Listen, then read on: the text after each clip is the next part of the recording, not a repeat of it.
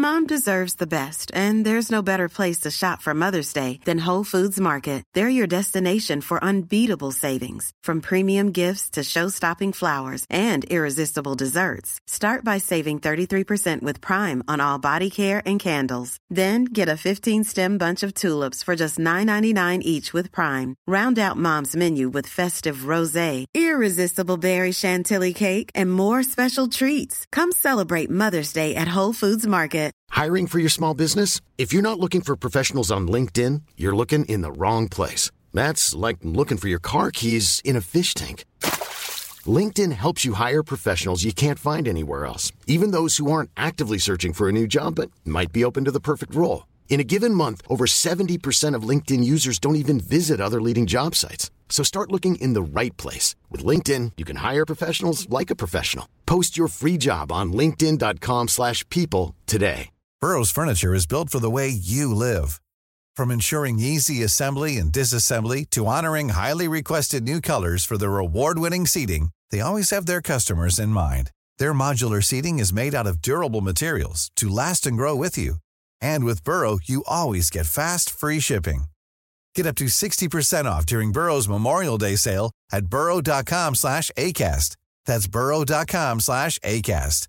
burrow.com slash ACAST. Varmt välkommen till Knatteplock-podden. Detta är en podd om mat, barn och föräldraskap. I avsnitten får du lyssna på härliga gäster som delar sina perspektiv, erfarenheter och kunskaper inom dessa spännande ämnen. Och då gjorde hon som någon så här kött, eh, någon stek eller köttgryta. Så hade hon som en liten, hon tog bara bort en liten del till honom. Alltså en stor köttbit, fast så, lite mör så. I detta avsnitt gästas podden av ingen mindre än Asabia Britton. Hon är barnmorska, influencer och författare. Hon är också hypnobirthing-instruktör och brinner för att folkbilda kring barnafödande. Jag bjöd in Asabia i podden för att prata om hennes erfarenheter kring babyled weaning och plockmat. I avsnittet ser Asabia tillbaka på tiden då hon introducerade mat till sina söner och hon berättar om vilka fördelar hon upplevt med plockmat och vilka utmaningar hon stött på längs vägen. För dig som är nyfiken på plockmat och kanske är lite rädd till och med för att erbjuda plockmat så är detta ett perfekt avsnitt att lyssna på. Hoppas att ni gillar det.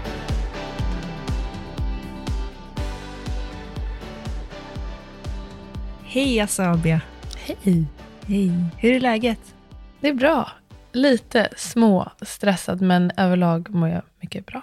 Ja, härligt. Ja, du är ju hemkommen från eh, värsta semestern här. Bali, tio dagar utan barn, utan man, med min kompis. Ja. Wow. Ändå så, Så är du jag, jag stressad. borde inte vara... Nej, men vet du varför? Jag är inte stressad. Det är bara att jag har verkligen inte kollat mail. Jag har inte... Jag har kollat lite, lite mail, men för det mesta har jag inte gjort. Och då har man ju väldigt, väldigt många mail. Det är de som liksom tickar lite i mitt huvud. Jag skulle vilja veta av det. Men super, jag är jättestressad inte. Men mer stressad än jag har varit de här tio dagarna. Typ.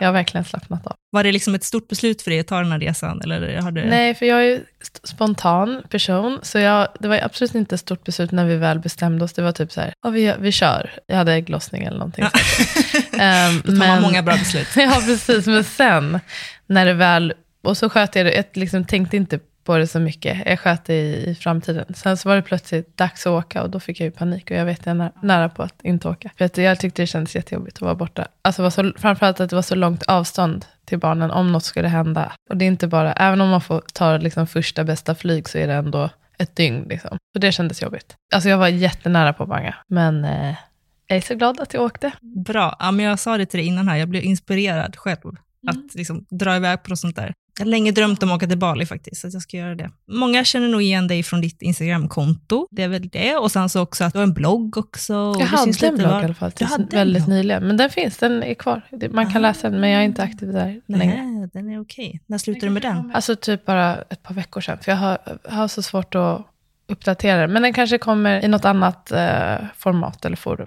Men den finns att läsa. Så jag har skrivit en blogg ganska länge. Ja, men härligt. Ja, men in och läs där om du vill läsa lite mer utbroderade kanske inlägg om det du gör. För du är ju barnmorska och folkbildare nästan kan man säga. Så säger de ibland. I alla fall kanske varit mer på den... Jo, men lite. Jag, jag, har, jag har en ambition av att sprida kunskap. Sen så går det i perioder. När jag startade mitt konto, då väntade jag mitt första barn. Jag kände bara att jag hade så himla mycket tid att lägga på Instagram och stories och vara informativ. Och det var verkligen kul att svara på, du vet, Det, tiden är inte riktigt samma Nej, jag förstår. med barnen på utsidan.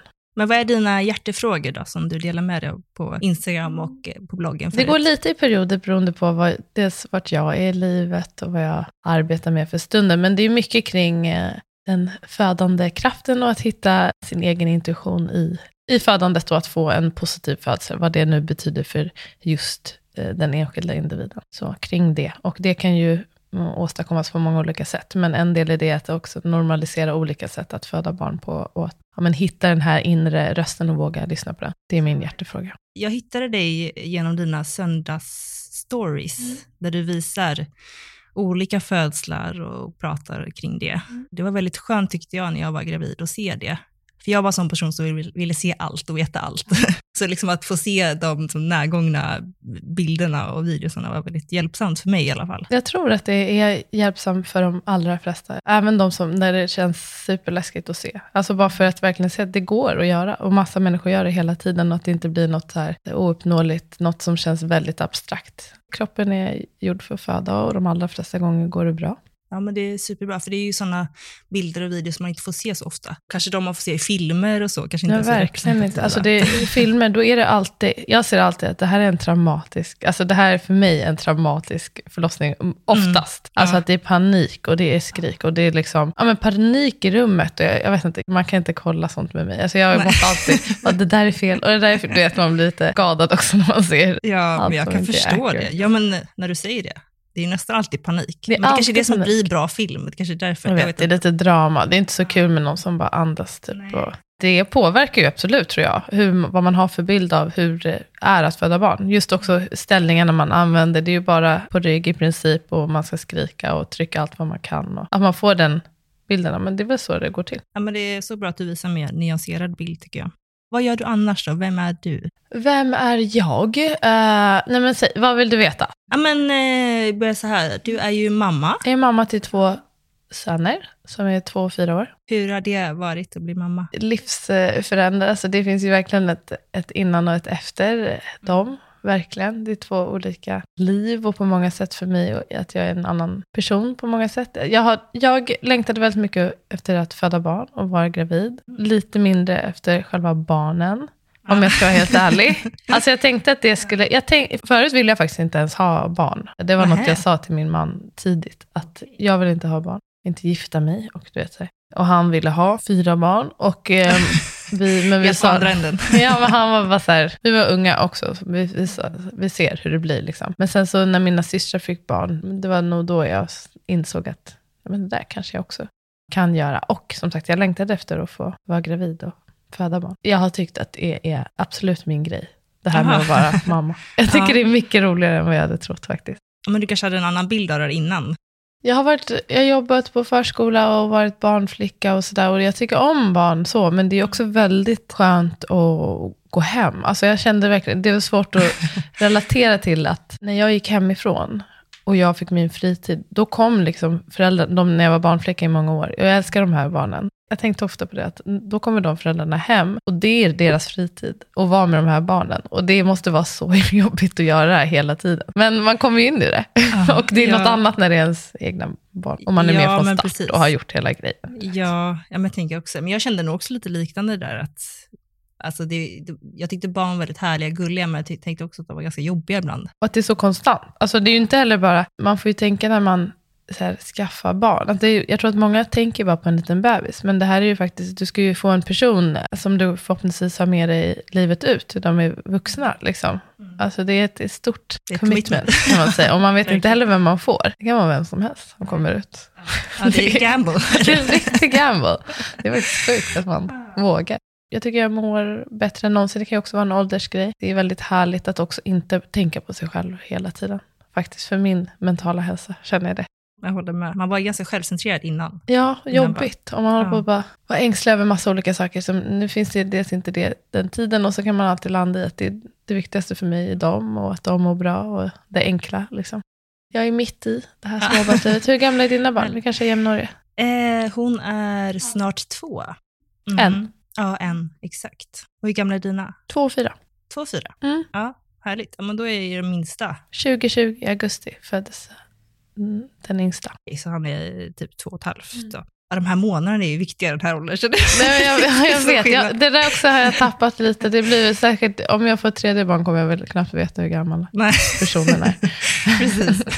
Ja, men Eller vilken vecka man är när man är Ja, gravid precis. Nej, men Ja. två och ett halvt, det stämmer. Och så har du en man också då? Jag har en man Ja. som heter Amat. Jag gifte mig i somras. Men vi har varit tillsammans Ja, tio år. Men Ja. vi är gifta, så inget han blev som jag dig hade. till slut? Nej, det var faktiskt tvärtom. Han var inte heller så pigg på det här med att gifta sig, men sen så ville jag göra det. Vi hade ett överraskningsbröllop för våra kompisar, det var jättekul. Jaha, vad roligt. Så de trodde att de skulle gå på något annat? så De trodde det de bara, vi satt det var en sommarfest, typ, för att vi hade lite, jag, både jag och han hade släppt en bok och han hade sommarpratat och det var något annat, vi, vi ville fira livet. Typ. Så var de där, så kom vi dit i en bil och jag hade min, då hade vi alltså redan varit och gift oss i stadshuset, så vi hade bröllopsfest. Det var jättekul. Folk blev skitglada. Alltså det, jag, det var lite nervöst på väg dit. Så här. Det är lite anti- pinsamt om de inte tycker att det är en rolig grej. Så kommer man "So dit och bara, wow! Det. Men, men de tyckte verkligen att det var jättestort. Härlig överraskning att få.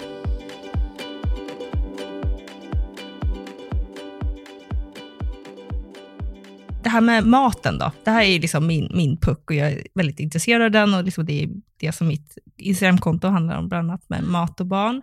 Eh, och det roliga i sammanhanget är att eh, mitt, mitt konto handlar mycket om plockmat och, och eh, BLV, baby led weaning, vilket innebär då att eh, bebisen äter själv. Plockmat är maten man serverar till bebisen. Och jag upptäckte faktiskt plockmat delvis genom ditt konto, för att du gav det till din son, eller erbjöd det. Därför tycker jag det är kul att du sitter här idag, att vi ska prata om det här och liksom dina erfarenheter kring det. Men kan du berätta lite om hur, hur var det med din första son jämfört med din andra son? Dels så var han en väldigt eh, intensiv ammare från start. Alltså han var en som ville amma hela, hela tiden och gärna och mycket och kunde helst, ah, liksom tackade aldrig nej till lite tutte. Och det var lite svår, alltså han hade gärna säkert hela matt eh, tills han var två. Typ. Alltså, det var verkligen lite, det krävdes lite för att få honom att börja med maten. Och jag tror att han var, alltså jag tror han började käka först när han var typ tio månader eller någonting. Alltså ganska sent. Och det blev, var lite av en stress för mig som det, ja, du vet, det, det där kan det lätt bli. Och då var det nästan så här, då får han får bara, bara han äter någonting. Det, jag skiter i nu om det. Han äter inte det här som de säger att han ska äta fisk och potatis. Typ. Han vill ha de här söta grejerna. Och då, ehm, eller typ bananpannkakor eller vad det nu kunde vara. Um, Det här var första sonen vi och så. pratade om. Ja, precis. Så att då var det mer så här, vi vill bara att han ska äta något. För jag blev lite stressad över det. Så det var så hans matintroduktion började. Och jag tror att jag höll på med lite mer med puréer och så. Gjorde väl lite egna och köpte lite klämmisar. Och sen, vad vet jag vad som är vad. Han är ju en, en, sin egen person, men deras intresse för mat, mina söner, det är ganska olika. Eh, han har varit väldigt petig med maten, som man kan vara när man är ett litet barn. Nu, han, nu när han är fyra och ett halvt, han närmar sig fem nu, så är han lite mer, att han kan ändå prova, och han försöker faktiskt prova, men det är ändå väldigt känsligt med så att mat inte får röra varandra. Han absolut inte tänker sig att äta blöt mat, som- alltså så här, inget med någon sås eller Nähä. något sånt. Det måste vara torrt. Eh, det tycker jag, alltså han kan ju verkligen få så här kvällningar av om man äter något som har fel konsistens. Och så. Han, jag vet inte om vi hade så mycket, liksom, någon medveten strategi. Jag tror att jag följde lite konton som höll på med baby led weaning-ish, men jag tror att jag hittade dem ganska sent. Eller det var kanske mer så här, ja, med tips på olika halvnyttiga grejer som man kunde ge på ett enkelt sätt. Typ. Men eh, som, det, fokuset från början var bara, ät vad som helst. Typ. Så att, Få i dig någonting. Få i dig Ja. någonting. Ja, och han är lite petig. Alltså han äter gärna mycket av det han tycker om, men helst liksom köttbullar och makaroner. Det är, du är inte ensam, det är nog många som har Ja, det. sådär. verkligen. Och vet du, nu, jag är verkligen inte, känner mig inte stressad över alls. Han, jag, jag försöker se liksom väldigt små framsteg i att han till exempel kan tänka sig att ha grejer han inte gillar på tallriken. Det tycker jag det är ett framsteg för oss. Alltså förut var det absolut nej i att ha det. Alltså han kan inte ens klara av att ha det på tallriken. Också typ att ja, men använda olika sinnen, bara man kan känna på maten man inte tycker är god, eller bara lukta på den. Eller, det, det tycker jag räcker gott och väl. Jag tror inte han kommer, att det kommer vara så här äh, för alltid. Och försöker typ tänka på att inte göra det till så stor grej när man inte vill. Alltså inte, det ska vara avslappnat kring mat i målet. Det tror jag är en jättebra grej, att inte pressa för mycket, för då kan det nog bli, eller det blir ofta motsatt effekt. Verkligen. Man kan tänka sig själv att det skulle vara väldigt jobbigt att känna sig pressad och äta. Jo, och en, en grej som jag började med kanske också lite för sent, som jag har försökt göra med min yngsta också, att låta honom vara med i matlagningen också och känna på maten på det sättet. Att, eh, så att det inte blir något läskigt. Ja, men det tror jag är ett, det är ju en, ett bra knep också om man har ett barn som har blivit petig. Att inkludera mer i köket, för då blir det ju det här lite mer lekfulla Precis. i hela matupplevelsen. Slutmålet kan ju vara att man äter saker och tycker om dem, men bara att känna på det och lukta och, och vara med, liksom, det är också ett litet steg. Och det brukar jag prata om, att inte, allting handlar inte om att man ska äta eller konsumera det, utan Nej. också så att om ett barn känner på det så är det en vinst, för det kan vara ett, en steg på resan till att smaka sen senare. Särskilt när man introducerar barn om, när de är ännu mindre så. Alltså då, då om, med min eh, tvååring då, så då körde vi, då hade jag ett annat, helt, alltså jag tänkte på det nog på ett helt annat sätt. Jag var dels lite mer avslappnad kring det här med mängden mat som skulle ätas. Han var lite mer intresserad, men eh, då hade jag ju tanken om baby-led weaning. Va?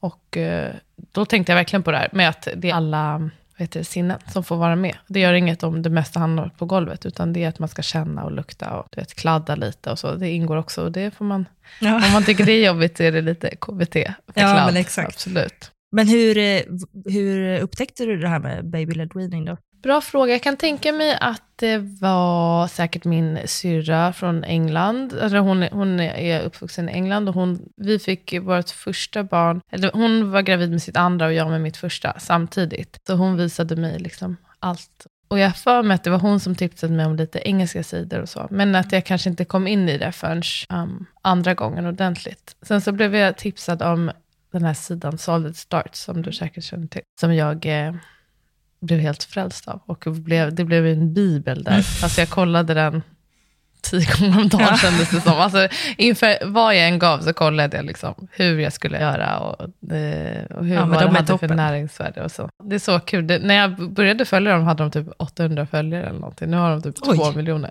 Ja, det har gått snabbt för dem tror jag. Ja, men hon har jobbat på med det där. Jag pratade lite med hon, Jenny som har det. Hon eh, har ju verkligen startat det där och satsat allt och inte tjänat på ett tag. Och sen så sa det boom. Liksom. Eh, Det känns som att hon lagt sin själ i det där. Verkligen, hon brinner verkligen för det. Så jag tror den hade nog ganska stor påverkan för mig. Att jag tyckte hon gjorde det så himla enkelt och förklarade också med, för det som många tänker på är det här med att sätta i halsen och att det ska vara säkert. Och jag tycker de förklarade det väldigt bra. Så då gick jag all in för att jag ville också gärna försöka göra det jag kunde för att inte få ett pet, lika petigt barn. Och vad, vem vet om det bara var slumpen eller inte, men han är inte lika petig. Sen så är han också sådär, så ibland vill han ju inte och han är inte, han är inte så att han äter allt. Men han är inte liksom rädd typ för maten på samma sätt som jag upplevde att mitt äldsta barn kunde vara. Eller att det var liksom, det tog emot så otroligt mycket. Han, är- han är van från, um, liksom från mat, i- i- liksom när han började upptäcka mat, att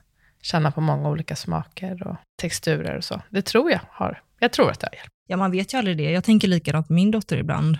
Hon är också inte så petig med mat, utan ganska matglad. Sen klart att hon som alla människor har man ju olika smaker och preferenser. Men eh, det är också svårt att veta vad som har bidragit till det. Men det är intressant som du har liksom två olika upplevelser. Och det kan ju säkert vara lite miljö som har spelat in och lite genetik. Liksom. Ja, precis. Det är säkert båda. Och sen så är det ju så att det går, kan ju gå i vågor. Att man är jätte... Alltså när han var ännu mycket mindre, min tvååring, då var han öppen för typ allt. Och sen så har det ju blivit lite mindre med tiden. Men, och så kan det ju svänga, alltså det kan ju hända saker hela tiden.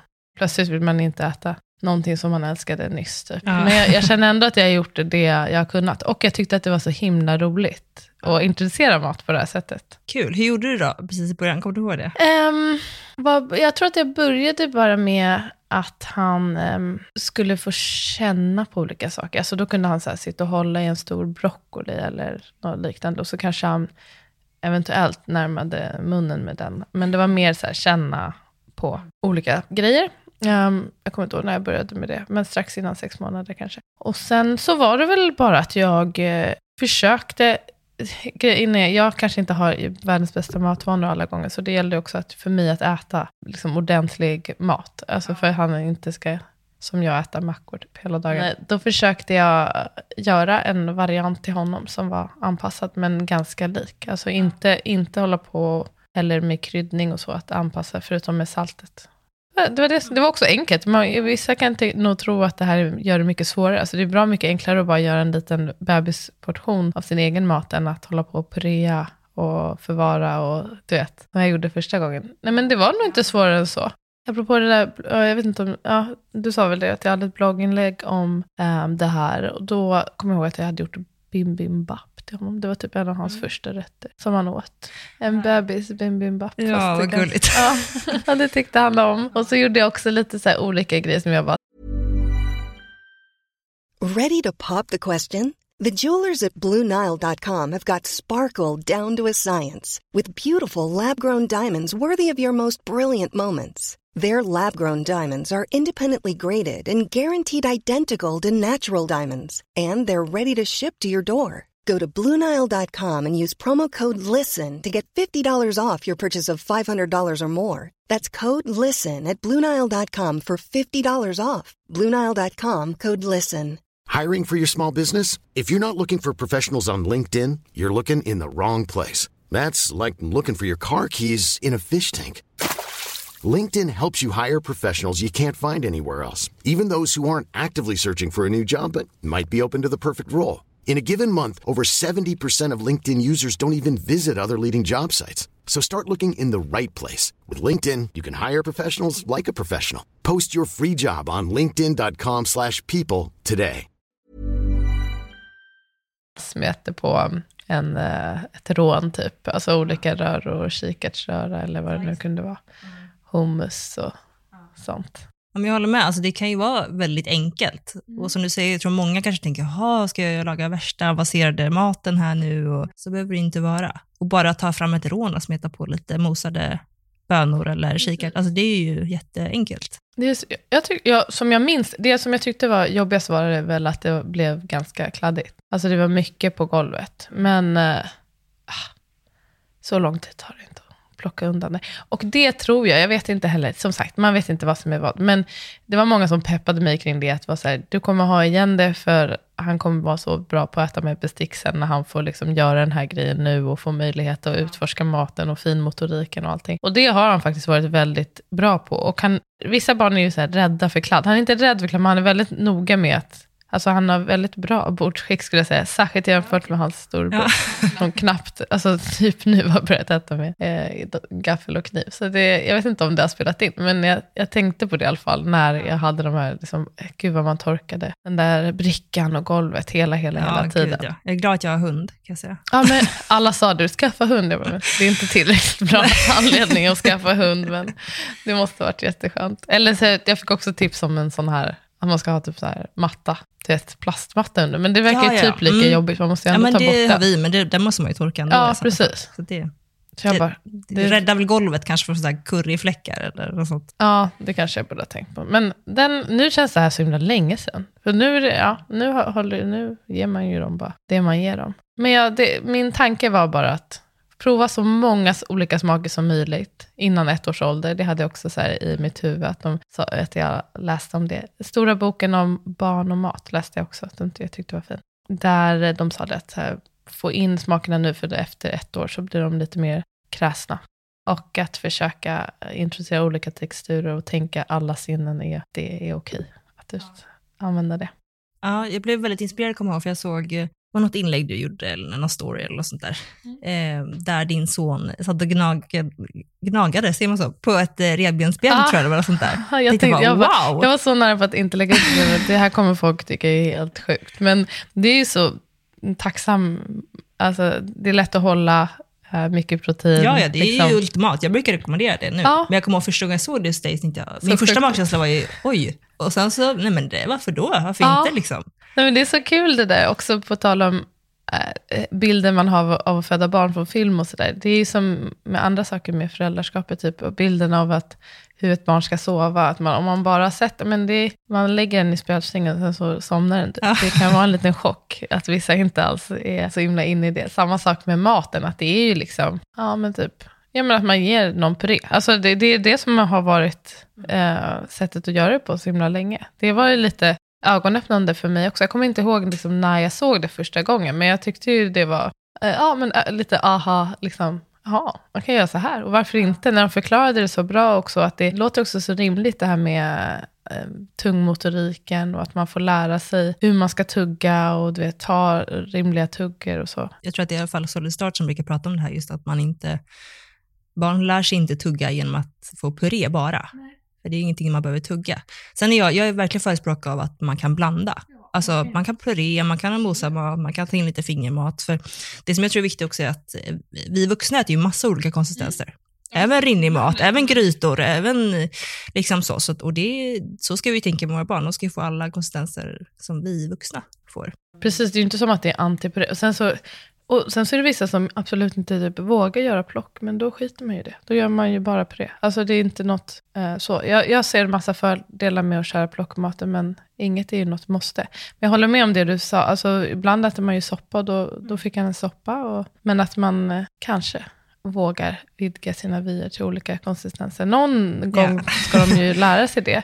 Och då är det så skönt att de har lite koll på hur man gör. För visst, är, jag vet inte vad folk säger, dina följare och så säger, men det, jag vet att många skriver till mig om att just det här rädslan för att de ska sätta i halsen. Ja, det kan jag ju säga, det är en, en av de vanligaste frågorna jag får. Och jag vet att du nämner ju det i det blogginlägget som du har skrivit kring det här. Jag kommer inte ihåg det. Nej, ja, jag gjorde det men eh, jag tror säkert att du fick sådana frågor Mm. också då. Jag Eh, förstår verkligen, det låter ju ja, ja. obehagligt när de får de här. Ja, men speciellt när bilden är att bebisar bara kan äta puré eller mosad mat. Och så Mm. ser man en bebis med ett revbensspjäll eller vad det nu kan vara. Det blir ett väldigt stort steg och man undrar kanske hur, vad som är säkert och inte. Men hur, hur tänkte du själv där? Var du rädd från början, eller hur? Jag var inte rädd, nej, det kan jag inte påstå. Men, för jag kände mig påläst. Det, bland annat då, eller framförallt från Solid Stars, att de skrev hur, hur man kan tillreda det på säkrast sätt. Och det här med att eh, för små barn att väldigt stora bitar är bättre. Och jag tycker det var rimligt. Och jag försökte också tänka liksom, logiskt kring, kan, men kan det här verkligen...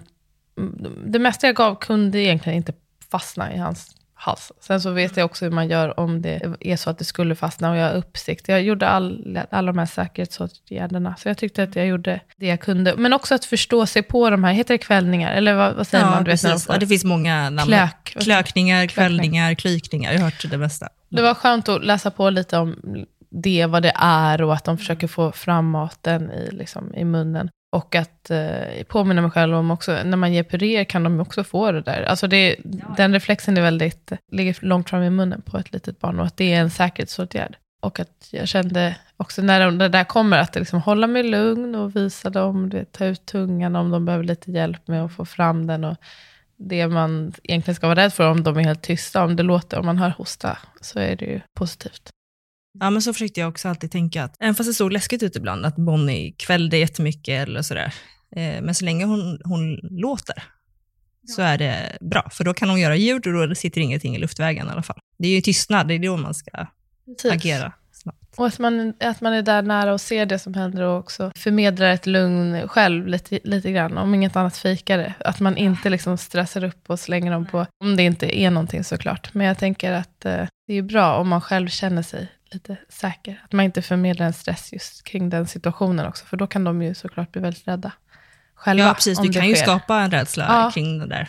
Så. Men de flesta barn är ju ganska oberörda när Ja, det precis. sker, om man inte gör en stor affär av det. Exakt, det är deras sätt att lösa det på. Men det kan ju se superläskigt ut. Men där tror jag bara man har lite koll på varför och hur vanligt det är och så vidare. Och också hur man gör, om de skulle sätta i halsen, vad är tecken på det och hur gör man? Ja, men det är ju jättebra och det tycker jag man ska lära sig oavsett som förälder. Ja, verkligen. För att barn kan ju få det mesta Stoppa i halsen. annat i halsen. Ja, Ja. precis. Jag tror att, jag läste, det, det är liksom, jag tror att det är över 60 procent av choking incidents, eh, kvävningsolyckor, sker med något annat än mat. Så det är liksom små leksaker eller vad det nu kan vara.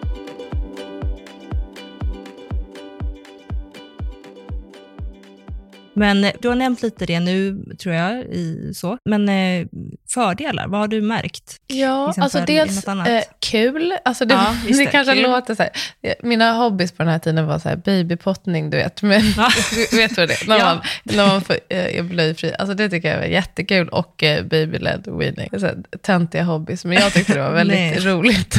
Då, så att det, det är roligt och någonting att, jag tänker att det är precis som babypottning faktiskt, ett sätt att, och få som ett fint samspel med barnet, just för man måste vara uppmärksam, man får eh, ge dem en chans att, alltså man ser verkligen en utveckling hos dem också i, när de får upptäcka mat. Så det tycker jag var en fördel. Ja, jag tycker att han har varit mycket mer öppen för mat än vad mitt äldsta barn var. Och jag tror att, det är säkert lite personlighet, men jag tror absolut att det här spelade in att han tidigt fick eh, också så här bestämma själv hur mycket han vill ha i varje tugga, hur snabbt han ska äta och så, istället för att någon liksom tjoffar in det i munnen. Han är väldigt bra på att använda bestick tidigt, tycker jag att han var det. Och det känns som att det hade lite med det att göra, att eh, han har liksom övat på det.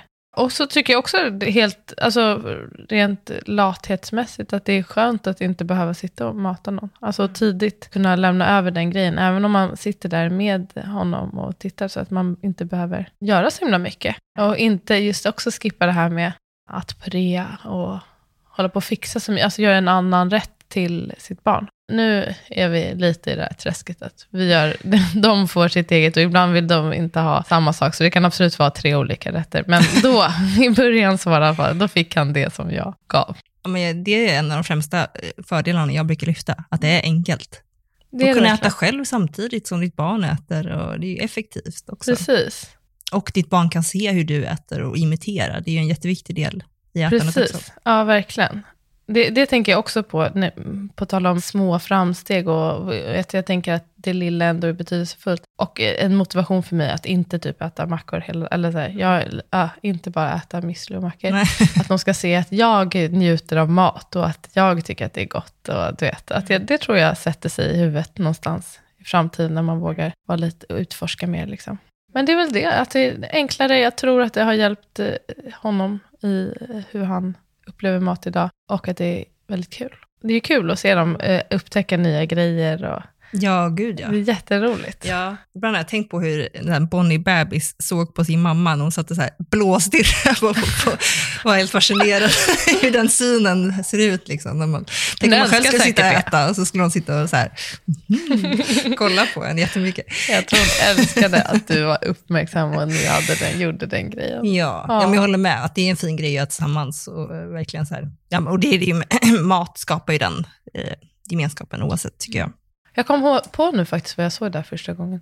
Det var när jag var barnflicka till ett annat, inte de som jag var barn, lite kort, alltså när jag var kanske 19 eller någonting. Då hade jag aldrig sett, alltså då, jag visste inte så mycket om barn, så. Men eh, jag tänkte absolut att man ger puré, för det har jag sett att man gör. Och då gjorde hon som någon så här kött, eh, någon stek eller köttgryta, så hade hon som en liten, hon tog bara bort en liten del till honom, alltså en stor köttbit, fast så, lite mör så. Och jag kommer ihåg att hon sa, den kan du ge till middag, och jag fattade inte alls vad hon pratar om, till typ en tio månaders. Och då, och då sa hon, ja, men, men han kan ju äta samma sak som vi.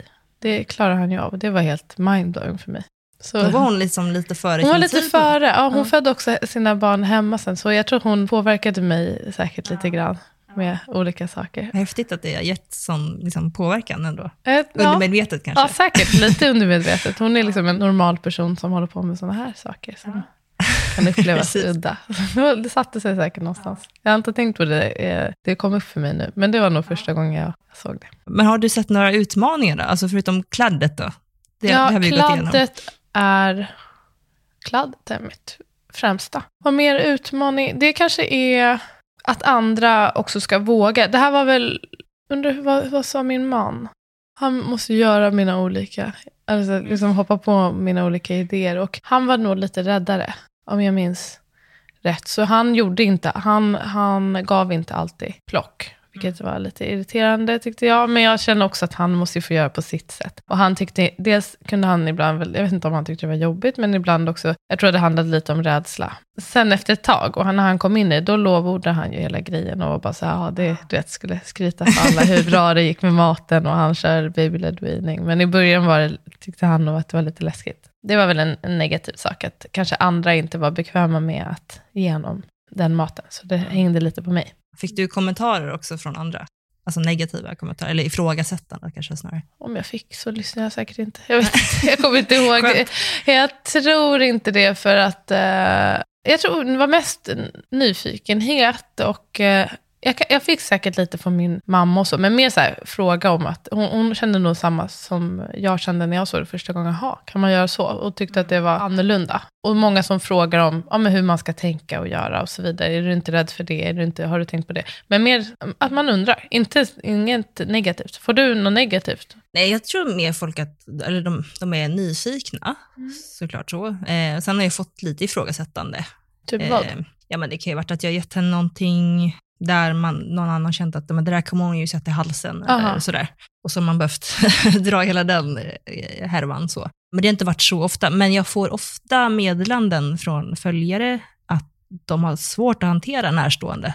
När andra som ja, men dels är oroliga då för det här med sätta i halsen, men kanske vill vara där och torka hela tiden om det är mycket kladd, eller tycker allmänt att den här typen av mat är olämplig. Ja, det kan, jag, det kan jag förstå. Jag tror att jag är så här, bara gör det tidigt, att jag, vi gör så här nu. Också, jag tror att det hjälper att jag typ är barnmorska, de tror att jag har koll på läget.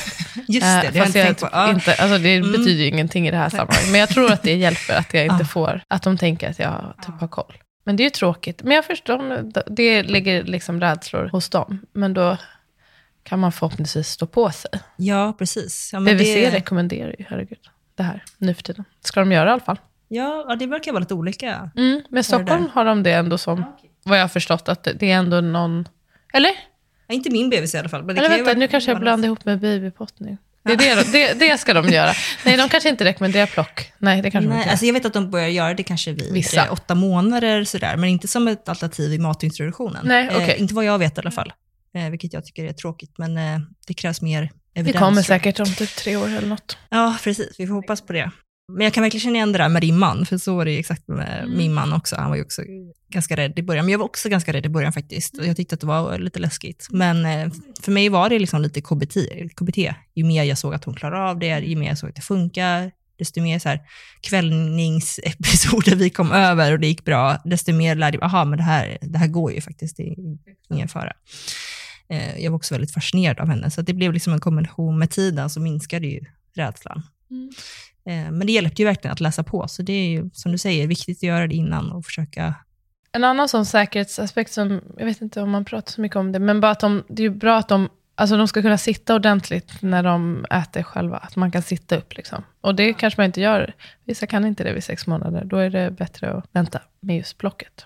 Ja, om de sitter liksom helt ihop slopade. Ja, precis. Mm. Det får inte bli fällkniven. Liksom. Nej, precis.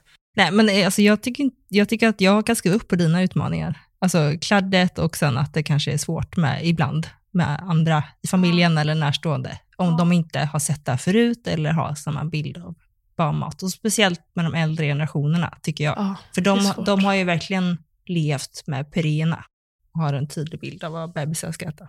Och de har kanske mycket åsikter ibland. Ja, allmänt. Man får bara man får bara säga, jaha, kan inte du berätta mer om hur, det var, hur du gjorde? Det är det bästa, mest avväpnande man kan säga, så får de berätta och sen så går man vidare med sitt eget sätt. Ja. så, ja, berätta mer. En grej som jag tyckte var lite nervös, men som jag ändå eh, körde på, det, det väl, går inte nödvändigtvis hand med plockmat, men lite grann, um, med det här med allergener. Alltså att um, jag försökte vara tidig med nötter och sådana saker. Det tyckte jag var lite läskigt, men det är jag också jätteglad för. Alltså att ändå våga mig på det. Ja, just det. För att det, det är ju läskigt att ifall det blir en allergisk ja, reaktion. Precis. Liksom, men det blir inte mindre läskigt sen. Och det ska ju vara bra att man, man intresserar det tidigt. Alltså typ nu när jag var i Sierra Leone för några månader sedan, då sa de att där eh, finns typ i princip inte nötallergi. Och det är säkert, eh, för de ger ju så här, för de barnen som är undernärda, då får de nötkräm. Och då var det några som frågade det. Och då frågade de så att det typ inte finns. Men för att de har nötter i sin kost från start. Ja, det finns ju forskning som visar det, att tidig, tidig och regelbunden exponering för till exempel jordnöt kan minska risken. Så Det hade jag typ bara börja. Och det är också bra. Ja, det är näringsvärt. näringsrikt. Exakt. Mm. Hela nötter ska man inte ge. Nej, precis. Smör och mjöl och allt sånt där funkar. Ja, men vad härligt. Jättekul att få höra dina erfarenheter och, och kul att få höra det reflektera tillbaka eftersom att det var ett tag sedan ändå. Det kommer ju fram mycket Ja. saker. Kul. Jag hoppas, jag vill ha ett tredje barn igen. Då ska Du jag vilja ja. göra det här. Då ska jag göra det igen, absolut. Alltså köra på samma strategi. Ja, men det, det var min fråga, om Ja. du kommer köra på samma igen. Absolut, absolut. Och det är så skönt också att jag känner mig, jag känner mig inte rädd, men jag tror jag känner mig ännu säkrare i det här. Ja, och också att jag är liksom motiverad kring det här med kladdet och att städa, alltså jag tror att jag kommer ha det igen. Ja, att det kommer bidra till någonting. Vill din man också ha en till? Han har sagt ja nu, Woho! efter lite övertalande. Ja. Han vill ju ha fyra barn, så, men Ja, nu- sen det. efter ett Så så, var han bara så här, nej. Han ville, han ville bara ha två sånt efter ett. Så det blev lite tvärtom. Men du har tre mellanväg då kanske? Ja, precis. Sen är jag klar faktiskt, tror jag. Ja, men då, då hoppas vi på det och jag ser fram emot att följa den resan i Ja. sådana fall. Ja, vi håller tummarna. Ja, men stort tack för att du kom hit. Tack snälla att jag fick vara med. Ha det gott. Hej då.